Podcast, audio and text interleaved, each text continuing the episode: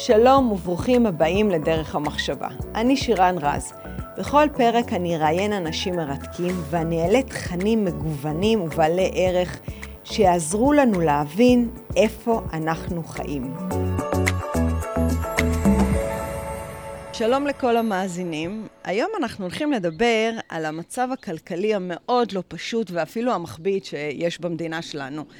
מי שלאחרונה תדלק, אני חושבת שהיה לו איזה פרפורים כאלה בבטן, רגע לראות איך המספר מתייצב שם. שלא נדבר על שכר הדירה, יוקר המחיה, הקניות שלנו בסופר, ואפילו המחשבה אם לקנות דירה, לא רק שהיא לא ריאלית, נראה שזה סוג של אה, חלום שהולך ומתרחק מאיתנו. שלא נדבר על אוקראינה והמלחמה באירופה, הגירעון, כל מיני מילים מפלצתיות כאלה. שאולי אנחנו לא ממש מבינים מה זה אומר. ובשביל כל השאלות האלה, בשביל להבין מאיפה משיגים עוד כסף, מה קורה בכיס שלנו, מי אם לא המומחה לכלכלה, פרופסור ירון זליכה, שלום, איזה כיף שהסכמת להתראיין. תודה שבאתם. אנחנו הולכים לעשות פה שאלות שיגעו אליכם, תצטרפו אלינו. אנחנו יושבים בגינה המדהימה שלך, שומעים את פכפוך המים, אווירה פסטורלית, שקצת מקשיבה מתנגשת... מקשיבה גם לציפורים? אני מקשיבה לציפורים. אני ילדת טבע, אז אצלי טבע זה חייב להיות כחלק מהיום-יום שלי. אבל איך את ה... באמת, המזג אוויר המאוד פסטורלי הזה, אנחנו מצליחים טיפה להכניס פנימה לחיים המטורפים שלנו. אני שומעת אותך, עוקבת אחריך לא מעט זמן. עוד בתקופה שביבי היה בשלטון, בנימין נתניהו, עכשיו עם לפיד, ואני שומעת את התרעומת הענקית, החזקה, אתה כאילו עומד ומטלטל לנו את העמודים שעליהם אנחנו יושבים. אולי אני אשאל אותך, מה הכי משגע אותך, לפני שאני יורדת לפרטים של השאלות? מה הכי מטריף אותך? הכי מטריף אותי, האמת הפשוטה, 90 אחוזים מהפערים הכלכליים בין מדינות נובעים מפערים באיכות המדיניות. עכשיו, אם הייתי מציג לך שתי חברות דומות, ומציג לך חברה אחת עם ביצועים מצוינים וחברה שנייה עם ביצועים כושלים לאורך הרבה שנים, לא היית מתפלאה לא, ולהאשים את המנכ"ל של החברה הכושלת. אז מדוע אנשים כל כך, כל כך מתקשים להבין שאם אנחנו המדינה עם שיעורי העוני הכי גבוהים במערב, המדינה המערבית היחידה שהמחירים שלה הם 35% יותר מהמערב, למרות שההכנסה שלה כל כך נמוכה, למה הם כל כך מתקשים להבין שיש לנו פה בעיה במדיניות? אולי, אולי אני אסביר לך את זה מהמקום המאוד צנוע שלי כאזרחית. אם אני הולכת, לבת... מסתובבת בכל קניון, ואני רואה את כמות האנשים שיושבים בבתי קפה, שדות התעופה מפוצצים, הטייסים קורסים, לא מתעוררים של להטיס את המטוס. בעין, נקרא לזה לא מזוינת, זה לא נראה שהמדינה מדינה ענייה. קודם כל, אנחנו מדינה של תכף עשרה מיליון אנשים. גם כן ירבו, במדינה, כן ירבו. בעזרת השם, גם מדינה של עשרה מיליון אנשים, יש לה עשירון תשיעי ועשירי mm-hmm. שחיים טוב. אבל העשירון השמיני ומטה חי פחות טוב. מעבר לכך, בשנים האחרונות, בעשור האחרון, אנחנו התרגלנו לסיטואציה שבה הצעירים לא מסוגלים לקנות דירה, כי מחירי הדיור עולים מאוד. ולכן הם מנסים לחיות רמת חיים קצת יותר גבוהה ממה שבאמת ההכנסה שלהם מספקת, כיוון שהם לא חוסכים לדירות. הם לא חוסכים, פשוט מוצאים את הכסף. ובסופו של דבר הריבית נורא נמוכה, אז קל היה לקחת הלוואות. עכשיו הריבית תעלה, והקושי יהיה קצת יותר גדול. הבנתי. אז בעצם מה שאתה אומר, הדור הצעיר הבין שהוא לא יכול לתכנן את העתיד הכלכלי שלו, אז הוא אומר, אז בואו לפחות נהנה כרגע ממה שיש, בהנאות הקטנות, ואם אנחנו נכנסים לגירעון אז ניקח הלוואות, כי הבנקים בשמחה ובששון מציעים פה לכולם הלוואות, גורמים להם להתחפר עוד יותר עמוק בתוך הצרות של עצמם, הריבית נמוכה, אז לכאורה הם צפים, אבל לפי מה שאתה חוזה, אה, הריבית עוד מעט תעלה, ואלה שבקושי צפו הולכים לטבוע. ריבית נמוכה, המשמעות שלה גידול בלתי פוסק בכמות הכסף. Mm-hmm. שזה וכאשר, האינפלציה בעצם. ולכן נוצרת אינפלציה. ואז האינפלציה מכה בנו, או בכך שהיא שוחקת לנו את השכר, ומייקרת לנו את יוקר המחיה, או מהצד השני, נעלה את הריבית כדי להילחם בה, ואז יהיה קשה מאוד לקחת הלוואות. ומעבר לכך, את יודעת, הצעירים חיים כאילו אין מחר, אז הם שוכרים דירה, סבבה, אבל מה הם יעשו בעוד 20 שנה, 30 שנה, כשהם יתקרבו לגיל הפנסיה? באיזה משכורת הם יממנו את שכר הדירה? הרי הפנסיה, אנחנו יודעים את זה, היא תחתוך בשכר השוטף שלנו לפחות חצי. אז תחשבי עכשיו איך זוג ששוכר דירה ומתייאש מהתקווה לקנות דירה, יגיע לגיל פרישה ויממן את שכר הדירה מקצבת הפנסיה שלו. איך הוא יעשה את זה בדיוק? בשביל זה אני פה. אתה תסביר לנו. מה צריך לעשות זוג צעיר שלא מצליח לעמוד בשכר הדירה והולך יושב uh, בסלון של ההורים, לפעמים גם עם ילדים קטנים, שתעזוב שזה נפשית, פיזית ורגשית uh, מטריף את כולם. מה זוגות צעירים, אנשים רווקים, צריכים לעשות? אתה אומר, הם לא מבינים. מה הם צריכים להבין? הם צריכים להבין שאם הם לא מעיפים פוליטיקאים שכשלו בניהול הכלכלה שלנו, אז הפוליטיקאים הבאים ימשיכו להיכשל. הרי כדי לעשות את הצעדים הנדרשים, אנחנו חייבים לבצע שינויים כאלה שהם לא כל כך נעימים. Mm-hmm. למשל, לבטל את הטבות המס לחברות הגדולות ולטייקונים.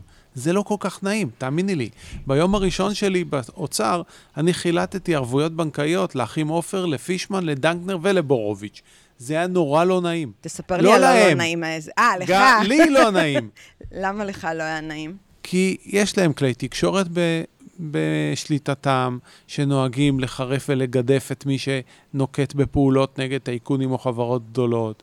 יש להם משרדי חקירות שהם יכולים להפעיל נגדך, יש להם טוקבקיסטים בשכר שיכולים להשמיץ אותך, ו- ויש להם פוליטיקאים שעובדים עבורם ויתקפו אותך.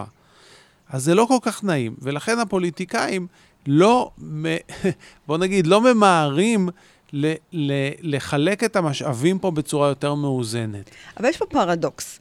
כי מצד אחד אנחנו אומרים, אתה, אתם רוצים לחיות יותר טוב, אתם האזרחים, תחליפו את הפוליטיקאים שלכם. תענישו. ש... תענישו. תענישו, לא צריך להחליף. תענישו בעין. איך, איך כל מענישים? פעם. אני אגיד לך, שימי לב אפילו לבחירות האחרונות. Mm-hmm. בשנה האחרונה הייתה פה ממשלה שמבחינה כלכלית היא הייתה אסון.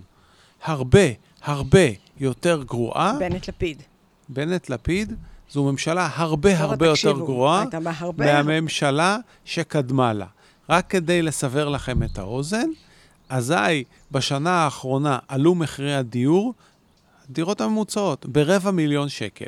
וואו. זה הרבה יותר ממה שהממשלה הקודמת העלתה, וגם היא העלתה את מחירי הדיור, בכל הקדנציה שלה. דבר השני, בתקופת הממשלה הקודמת השכר שלנו לא נשחק, הוא אפילו עלה. בתקופה של הממשלה הזו, השכר נשחק. וכל הדברים האלה נובעים ממדיניות כלכלית כושלת, שאני גם הזהרתי עליה מראש. שהיא? הם הורידו את הריבית הריאלית דרך גל של עליות מחירים, הם סירבו לה, להוריד את המיסים שיכלו לעזור לנו לבלום את גל עליות המחירים שבא מאירופה. הם סירבו לבטל את הטבות המס לטייקונים שיכלו לממן לנו את הפחתות המיסים הנדרשות. הם הגנו על המונופולים בצורה איומה ונוראה, הם מינו לראש רשות התחרות את החברה הכי טובה של המונופולים בישראל, וזו הפסיקה להילחם במונופולים, כאילו אין מונופולים בישראל. אז התוצאה, עליות מחירים, עליות מיסים. אגב, הם גלגלו את כל הגירעון הממשלתי על חשבוננו. מה ההיגיון לסגור את הגירעון הממשלתי בזה שמעלים לנו את המיסים ב-25 מיליארד שקלים? אז יגיד לך אחרון הטוקבקיסטים, אז על מי אתה רוצה שיגלגלו את הגירעון? כאשר אני הייתי באוצר, אנחנו יצרנו צמיחה. אנחנו ביטלנו את הטבות המס לחברות הגדולות, לקחנו את הכסף, הורדנו מיסים לאזרחים, לעסקים הקטנים. העסקים הקטנים יצרו צמיחה מטורפת, הצמיחה המטורפת סגרה לנו את הגירעון. וכך גם הקטנו את הגירעון הממשלתי, גם הקטנו את נטל החוב הממשלתי, וגם הורדנו את החוב הפרטי. זה לא חוכמה להוריד את החוב הממשלתי דרך זה שאת מעלה את החוב הפרטי. Mm-hmm. את צריכה להוריד את החוב הפרטי קודם כל. זה המשימה המרכזית של משק. משימה להפוך אתכם ליותר עשירים, לא ליותר עניים. ירון, אתה כבר את הקול שלי קיבלת, אם תהפוך אותי ליותר עשירה, אבל אנחנו רגע נתקדם על משהו שאתה חוזר ואומר, ואני רוצה קצת אה, לחדד את זה. אתה מדבר כמעט מכל כל השנים שאני מקשיבה ועוקבת אחריך, על העניין של המונופולים. נורא קל, כשאנחנו מסתכלים מהצד, ואתה פרופסור עם המון ידע בכלכלה, להגיד את, את משנתך, אבל כשנכנסים לנעליים פוליטיות, כללי המשחק משתנים, אוקיי? פוליטיקאי, המטרה שלו בסופו של דבר, בינינו שאף אחד לא שומע, זה לשרוד, אוקיי? עכשיו, אם אתה רוצה לשרוד, איך תילחם בארגונים כאלה גדולים וחזקים ונשכנים, ולפגוע בהם? אני, אני, אני, אני רוצה תשובה לזה, וגם פותחת סוגריים, ושהם לא יאיימו לפטר מלא עובדים ולהשאיר, לייצר אבטלה גדולה, כי הם יגידו, אה, אתם מעלים לי מיסים, אה, אתם פוגעים בי, אני מפטר את כל העובדים, עובר לאירופה. אוקיי. ראשית, שאלה מצוינת, דרך אגב. ראשית, שימי לב, מדוע המונופולים והטייקונים יכולים לאיים על המפלגות? הם יכולים לאיים על המפלגות ועל הפוליטיקאים בגלל שתי סיבות. סיבה ראשונה, הם מעמידים להם ערבויות בנקאיות כדי להקים את המפלגות הללו. וכדי לנהל אותן. אני והמפלגה הכלכלית בראשותי לא חייבת שקל אחד לאף אחד. אנחנו ממומנים מהכסף שלנו ומההתנדבות שלנו. ולכן, לנו אי אפשר להגיד, נחתוך לכם את התרומות ואת הערבויות. הדבר השני, זה שהפוליטיקאים הללו נשענים על כלי תקשורת מרכזיים שהם בבעלות הטייקונים. למשל, ערוץ 12, ידיעות אחרונות, גלובס, אני לא נשען על כלי התקשורת האלה, הם ממילא מחרימים אותי ומקללים אותי מהבוקר עד סוף, עד סוף היום. הם מחרימים אותך? כן. באמת? לגמרי. מחרימים אותי כבר המון שנים, לא, לא רק בשנה האחרונה. Okay. אוקיי. כבר המון שנים, כבר 20 שנה. אני הסטרא אחרא של ערוץ 12, או בגלגולו הקודם ערוץ 2. תחשבי שוב, אני ביום הראשון שלי בחשב הכללי, חילטתי ערבויות בנקאיות לאחים עופר, לדנקנר, לתשוב, סליחה, לתשובה למשל, סירבתי לתת לו כספים שהוא דרש שלא הגיעו לו. מה, מה נראה לך הוא חשב עליי? הוא פשוט אני... בטוח לא אהב אותך, וכנראה שגם היום הוא לא אוהב אותך. והפלא ופלא, גם כלי התקשורת שנשענים ממנו, או מהפרסום שלו, או מהבעלות שלו, לא כל כך אוהבים אותי. אז אני נשען אך ורק על התמיכה של הציבור. Mm-hmm. אם תיתנו לי את התמיכה הפוליטית, ולא רק את התמיכה החברית, התקשורתית, אלא בפיזיקה של ההצבעה הפוליטית, אני לא אהיה תלוי בהם. עכשיו, ביחסי הכוחות שיש בישראל, עם ארבעה מנדטים, אי אפשר להתעלם ממך, אי אפשר יהיה להקים ממשלה בלעדיך. וזה יקנה לך את הכוח לעשות את השינויים הנדרשים. עכשיו, לגבי האיומים שלהם שהם יפטרו, הם מאיימים והם יאיימו. אין שום ספק בכך. אבל האמת היא שאת רוב מקומות העבודה במשק לא מייצרים הגדולים, מייצרים העסקים הקטנים. ומכיוון שאת הכסף שאנחנו נשלול מהגדולים, אנחנו נעביר לקטנים, הם ייצרו לנו הרבה יותר מקומות עבודה מאשר כל מה שהמונופולים והטייקונים יכולים לייצר. והתוצאה תהיה עלייה משמעותית בשכר. איך אני יודע? כי כבר יודע? עשיתי את זה. Okay. אוקיי. כבר עשיתי את זה ב-2003. חתכתי להם את ההטבות, הם איימו לעזוב את הארץ, והצעתי ללוות אותם לשדה התעופה בנתב"ג. הם יכולים ללכת לכל הרוחות. מי שמייצר את הצמיחה זה אתם האזרחים והעסקים הקטנים. וכאשר אנחנו מטילים מיסוי כל כך כבד על עסקים קטנים ועל הצרכנים והשכירים, אנחנו דופקים את עצמנו. והכסף הזה פשוט בורח לנו. אנחנו לא צריכים להתפלל לאלוהים, אנחנו לא צריכים ניסים ונפלאות. אנחנו, כל מה שאנחנו צריכים זה לחלק את המשאבים בצורה הוגנת. יעילה ואפקטיבית, ואת זה אנחנו לא עושים היום. קודם כל זה מאוד מעניין. יש לי שאלה. לפני עשור, אתה רואה את המדינה שלנו, איך היא גדלה, אתה רואה את uh, עולם ההייטק, אתה רואה את היוניקורנים שצמחו לנו. במבט על, מבט כלכלי כמובן, בעשר, 12 שנה האחרונות, מדינת ישראל הפכה להיות יותר חזקה כמדינה, אני לא מדברת כאזרח.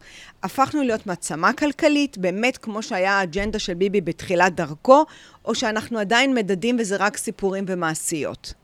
סיפורים ומעשיות. אוקיי. Okay. אני אתן לך שלוש נקודות בזמן כדי שתביני. Mm-hmm. כאשר אני נכנסתי לאוצר, ההכנסה לנפש בישראל הייתה 49 אחוזים מההכנסה לנפש בארצות הברית. אחרי חמש שנים שלי באוצר הגענו ל-62 אחוזים. אני מתכוון הכנסה במונחים שווים של מחירים, לא עם פערי מחירים שאין כן. משמעות להכנסה. נכון. היום אנחנו פחות מ-50 אחוז.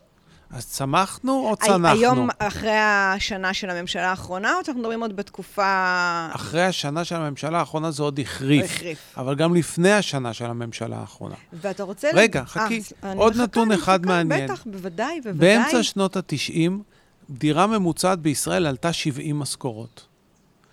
עד שהגעתי לאוצר זה כבר עלה ל-96. בחמש שנים שלי באוצר, הפלא ופלא, קרה נס. בכל השנים שלי מחירי הדיור ירדו. מ-96 משכורות הם הגיעו ל-80. הפלא ופלא, מיד כשעזבתי את האוצר, התחילו מחירי הדיור לעלות שוב, והיום הם 160 משכורות. עכשיו, אני שואל את וואו. האזרחים, לאן אתם רוצים להגיע? ל-200 משכורות? ל-250 משכורות? מה אתם רוצים לעשות? אבל יבואו ויגידו לך עוד פעם, אנחנו הולכים לאחרון הטוקבקיסטים, אה, יגידו, בסדר, אבל אין דירות, זה לוקח זמן, צריך לבנות מבנים, אין שטחים. אה, נות, אה, שמעתי בבוקר שמעלים מיסים אה, לא רק על חומרי הגלם שמתייקרים, אלא גם על הקרקעות, עושים איזושהי אה, העלאה כללית, לא, לא, מנתח, לא עושים ניתוב של העלאת מחירים. אז אם אין קרקעות, ואם אין הפשרת שטחים, ואם אין בנייה, אז מה אתה רוצה שיקרה? איך המחירים ירדו? אז האמירה הזאת, לא רק שהיא לא נשענת על נתונים, אלא שהיא בפירוש שגויה.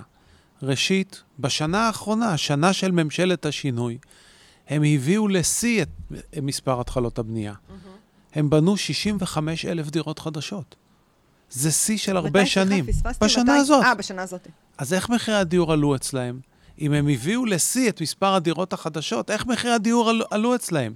מכיוון שהמדיניות המטומטמת שהם נהגו גרמה לכך שעוד 100 אלף ביקושים נכנסו לשוק.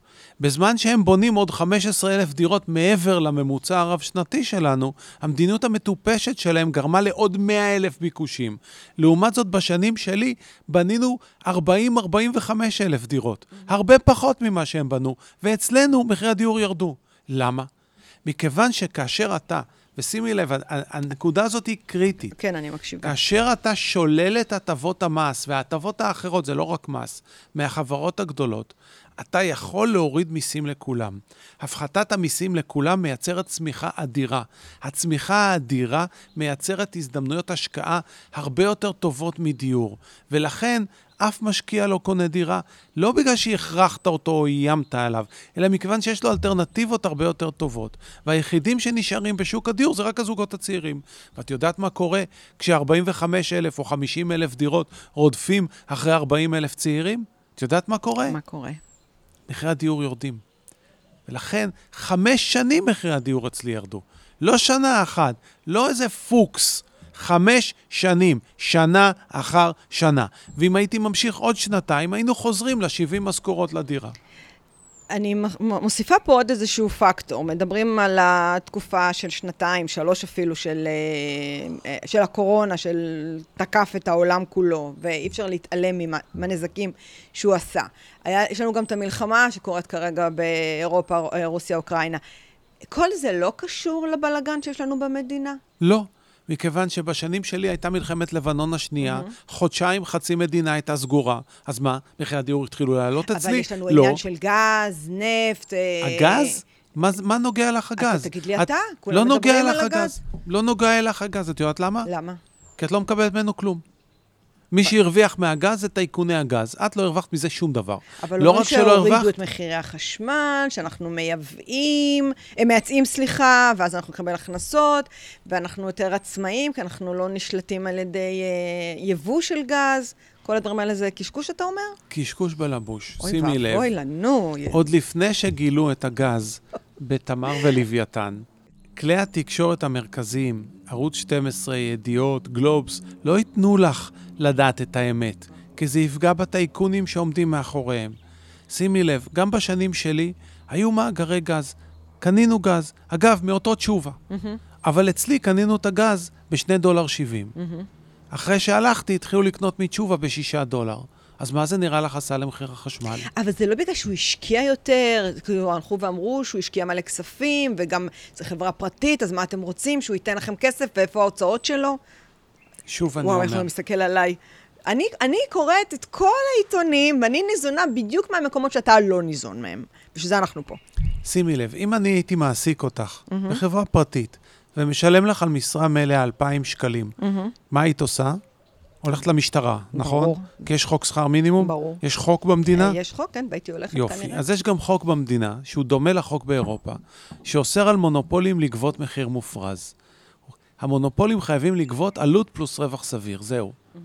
ולממשלה יש את הסמכות ואת החובה לפקח על המחיר אם הם משתוללים. עכשיו, שימי לב, הממשלה היא גם הקניין היחיד של הגז, ולכן יש לה סמכויות אדירות להכריח את תשובה למכור לפי המחיר החוקי, 2 דולר 70. אז אם היא לא מיישמת את החוק, מי אחראי? הממשלה? נכון, וזה בדיוק מה שאני אומר. אצלי היו קונים את הגז ב-2 דולר 70, ואז מחיר החשמל היה יורד ב-15 אחוז, ומחיר המים היה יורד ב-10 אחוזים, ומחיר הארנונה היה גם יורד, והיכולת של היצרנים המקומיים לייצר בפחות עלויות הייתה משתפרת, נכון? הנה החלטה אחת. ירון, זה קצת מזכיר לי את הסיפור אה, של דוד וגוליית. עכשיו, אני לא מספר לך, אגב, על משהו שהייתי עושה. אתה כבר עשית. בשנים שלי קנינו גז ב-2 דולר 70. ואתה אומר שכל מה שקורה בעולם הוא לא קשור לזה שיש עליית מחירים, זה קשקוש בלבוש. קשקוש בלבוש, מכיוון שהמחירים פה מלכתחילה, עוד לפני שהמחירים בעולם עלו, היו 35% יותר יקרים. שימי לב, אפילו עכשיו מהשבוע האחרון, יש קרב של המאפיות שהצליח, גרמה, גרם לממשלה ל- לייקר את מחיר הלחם האחיד. הלחם האחיד עולה בישראל 6.90 לפני העלייה הצפויה. ללחם שמשקלו 750 גרם. תבדקי באחד האתרים של אה, רשתות השיווק באנגליה, למשל, לחם 800 גרם, לא 750, עולה שקל וחצי. אז בואי תסבירי לי איך באנגליה הם מרוויחים משקל וחצי, ופה הם לא מרוויחים מ-6.90. בשביל זה הגענו... ונניח שבאנגליה הם צריכים. להעלות עכשיו את כן. השקל וחצי לשקל 60. באמת את חושבת שה-6.90 צריך לעלות גם? אולי אנחנו ישראלים שבאופי שלנו אנחנו חמדנים יותר מהאירופאים. תראה מה קורה גם באמת, גם בבעלי הדירות, איך שמעלים מחירים, והחבר'ה הצעירים נאנקים תחת הנטל, וזה לא באמת מפריע. אני רואה, הילדים שלי בגילאים האלה יוצאים החוצה להשכיר דירות. אם אני לא הייתי מגבה אותם כלכלית, הם לא היו עומדים בזה. יש לי חדשות בשבילך, נו, ואל תכעסי. אני לא אכעס. שכר דירה הולך לעלות עוד הרבה יותר, ואני אגיד לך גם למה. למה? התשואה על שכר דירה היא 2.5 אחוזים. אם האינפלציה היא 5, נראה לך שהמשכירים יסכימו, יסכימו לקבל 2.5 אחוז כשהאינפלציה היא 5? לא, לא. הבנתי. יתר על כן, אוקיי. 2.5 אחוז, אירון, אתה רואה שנהיה לי חם, נכון? מהשיחה. יהיה לך עוד הרבה יותר חם. חם, אוי ואבוי. את יודעת שבאירופה שכר הדירה הוא שישה, וגם בארצות הברית, שישה, שבעה אחוזים ממחיר הדירה, לא שתיים וחצי. פה מחירי הדיור עלו באיזה 150 אחוז ב-15 שנה האחרונות, ושכר הדירה עוד לא הדביק את העלייה. אבל הוא ידביק. כדאי לעבור להייטק? יש לנו באמת כדאי להחליף את שנייה? השיטה. יש לי שאלה, באמת. יש תחושה שיש שתי כלכלות היום במדינת ישראל. תעזוב רגע את הטייקונים ואת המונופולים, שזה ברור. אבל אני מדברת על השכירים, עלינו, פשוטי העם. שמי שבהייטק מצליח לחיות, מי שלא בהייטק לא חי. נוצרו שתי כלכלות, הכלכלה צומחת ההייטק, כלכלה תקועה שהיא לא הייטק. זה נכון? זה נכון, אבל יש איזושהי טעות אחת בסיסית. רוב העובדים בהייטק, גם הם לא מצליחים לקנות דירות. אוקיי. וזה נכון שהם? חיים... זה נכון שהם... סליחה. או שהם קונים דירה עם משכנתה של 30 שנה. הבנתי. אם היית אומרת בדור שלי, אני בן 50 עוד מעט ושתיים, בדור שלי, אם היית אומרת למישהו שהוא צריך לקחת משכנתה ל-30 שנה, הוא היה מרביץ לך. ברצינות. כן. אצלנו לקחו משכנתה שבע שנים, עשר גג. למה? נכון, עשר, חמש עשרה גג איזה אפילו. 15? אני לא כן. מכיר אף חבר שלי לא? שלקח משכנתה ל-15 שנה. אוקיי, אני אף מכירה. אחד. אוקיי. אני, לא- אני לא בגיל שלך. אני יותר מבוגר ממך. אה, אתה לא כזה יותר מבוגר ממני, סתם אני נראית צעירה ויפה. את באמת נראית צעירה. בכל מקרה, בדור שלנו לקחו משכנתאות של 7 ו-10 שנים, מכיוון שהדירה עלתה 70 משכורות, לא 160. עכשיו, אפשר להוריד את מחיר הדיור. קודם כל, כל אני, אני, אני באמת שמחה על השיחה הזאת, אני לא סתם אומרת את זה. נכון, זה נראה, הנה רן פה איתנו, נכון? הוא, הוא מפרק לנו פה כל מיני אה, אותות ומופתים שהאמנו בהם. אתה יודע מה, אני רוצה שתשבור לי עוד איזשהו, נקרא לזה אמונה, שרובצת אה, ב, אצל רוב האזרחים. האם הדתיים באמת מכבידים על התקציב? האם באמת הם כאלה נוראים מבחינת ה... כן? לא, כן. ממש 아, לא, זו אנטישמיות. זה ממש אנטישמיות? אנטישמיות. בואו נעשה את המספרים, כדי שפעם אחת אני, ולתמיד... אני עשיתי בצד, בלי, אני חיפשתי מה התקציב, כמה נותנים להם, ואני אני ראיתי שזה, אין שום קשר באמת בין התקציב שנותנים לדתיים לבין התקציב של המדינה. וזה, ו, ועושים להם עוול. אבל אמרתי, אני מגיעה אליך, אני חייבת שתאשש לי את זה. שימי לב, כלי התקשורת, מהמם. ששוב, נשלטים על ידי בעלי ההון והחברות הגדולות והבנקים, רוצים שאת תאשימי את החרדים, את המצב הביטחוני, את, הש... את העולם, רק לא מה? אותם. את המדיניות הכלכלית שמגנה עליהם, את הטבות המס שמשפרות אותם, את הסובסידיות שהם מקבלים, את החסמים של היבוא שמאפשרים להם למכור לנו במחירי שוד, את ההגבלים העסקיים שלא מפרקים להם. העיקר שלא נדבר על הפיל שבחדר, ובואו נאשים מישהו. אז עכשיו את החרדים, בואו נדבר רגע על החרדים. ראשית, נשים חרדיות עובדות כמו נשים חילוניות. זה נכון. יתר על כן, הן גם עובדות יותר קשה, ואם לא אכפת לך, גם שיעור ההשכלה שם מאוד גבוה, כך שלגבי נשים חרדיות אי אפשר להגיד מילה. מהמם. לגבי גברים חרדים, באמת שיעור התעסוקה שלהם נמוך יותר משיעור התעסוקה של גברים חילונים. מהמם. בכמה? ב-50 אלף איש. עכשיו בוא נניח ש-50 אלף חרדים הולכים לשוק העבודה. ברור לך שאין משרות בהייטק שפנויות עבורם, נכון? נכון. אז המשרות שיהיו פנויות הן משרות בשכר נמוך. נכון. איך אני יודע? כי אם היו משרות לא בשכר נמוך, את כבר היית תופסת אותן, נכון? נכון. 50 אלף משרות בשכר נמוך, בוא נעלה, אפילו לא נדבר על שכר מינימום, ניקח 6,000 שקלים. אז בוא נניח ש-50 אלף אנשים הולכים להרוויח עכשיו עוד 6,000 שקלים. מה המס על 6,000 שקלים? 40, 50? שקל, שקל, נכון? כמה מס אתה משלם ב-6,000 שקל? כלום ושום דבר, נכון? נכון. בואו נעשה לכם, את יודעת מה? בואו נניח שישלמו 500, 600 שקל, 500 שקל. בסדר? 500 שקל מס. כפול 12 חודשים, זה 6,000 שקלים לשנה, כן. כפול 50 אלף חרדים, זה 300 מיליון שקל.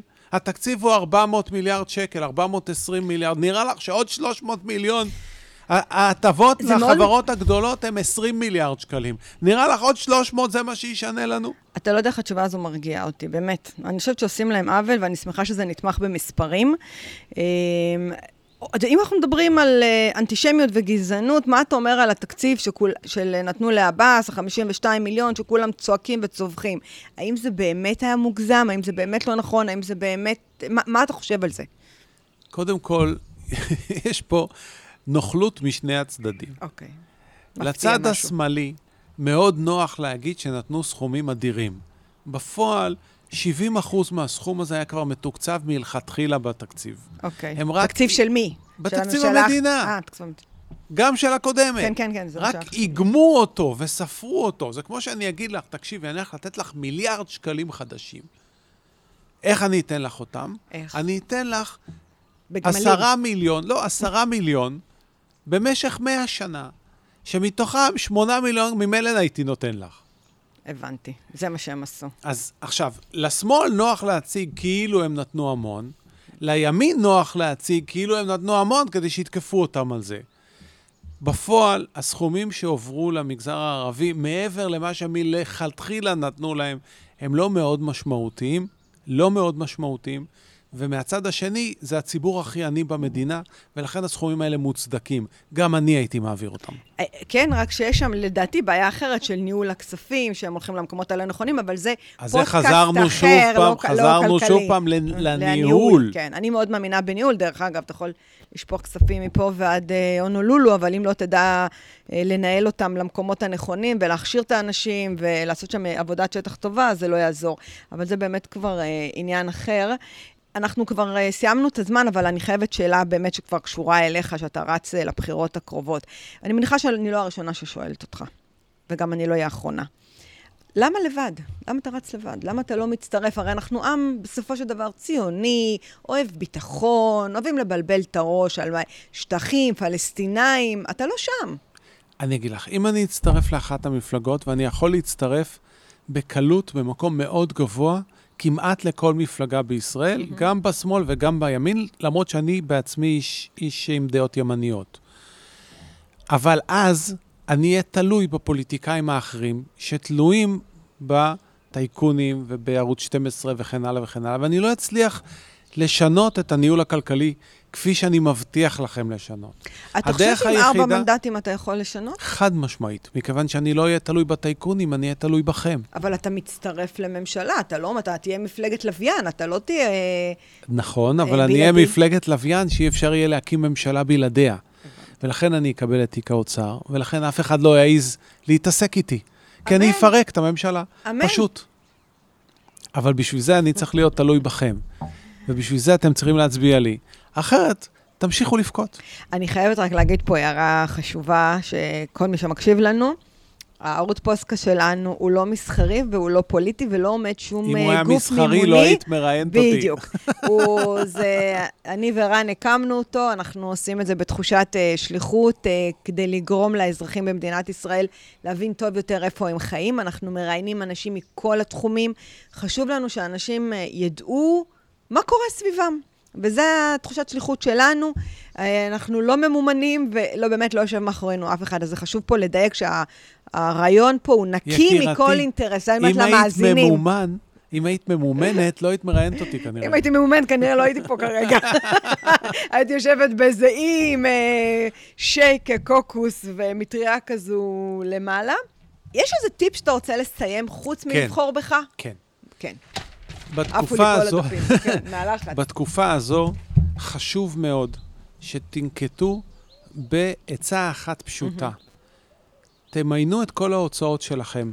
במהלך, נניח, ששת החודשים האחרונים, תעברו על אה, כרטיסי האשראי, על חשבונות הבנק, על הוראות הקבע וכן הלאה, ותבנו תקציב למשפחה. כמה אתם מוציאים על תחבורה, כמה על תקשורת, כמה על ביטוחים וכן הלאה וכן הלאה, וכמה אתם חוסכים.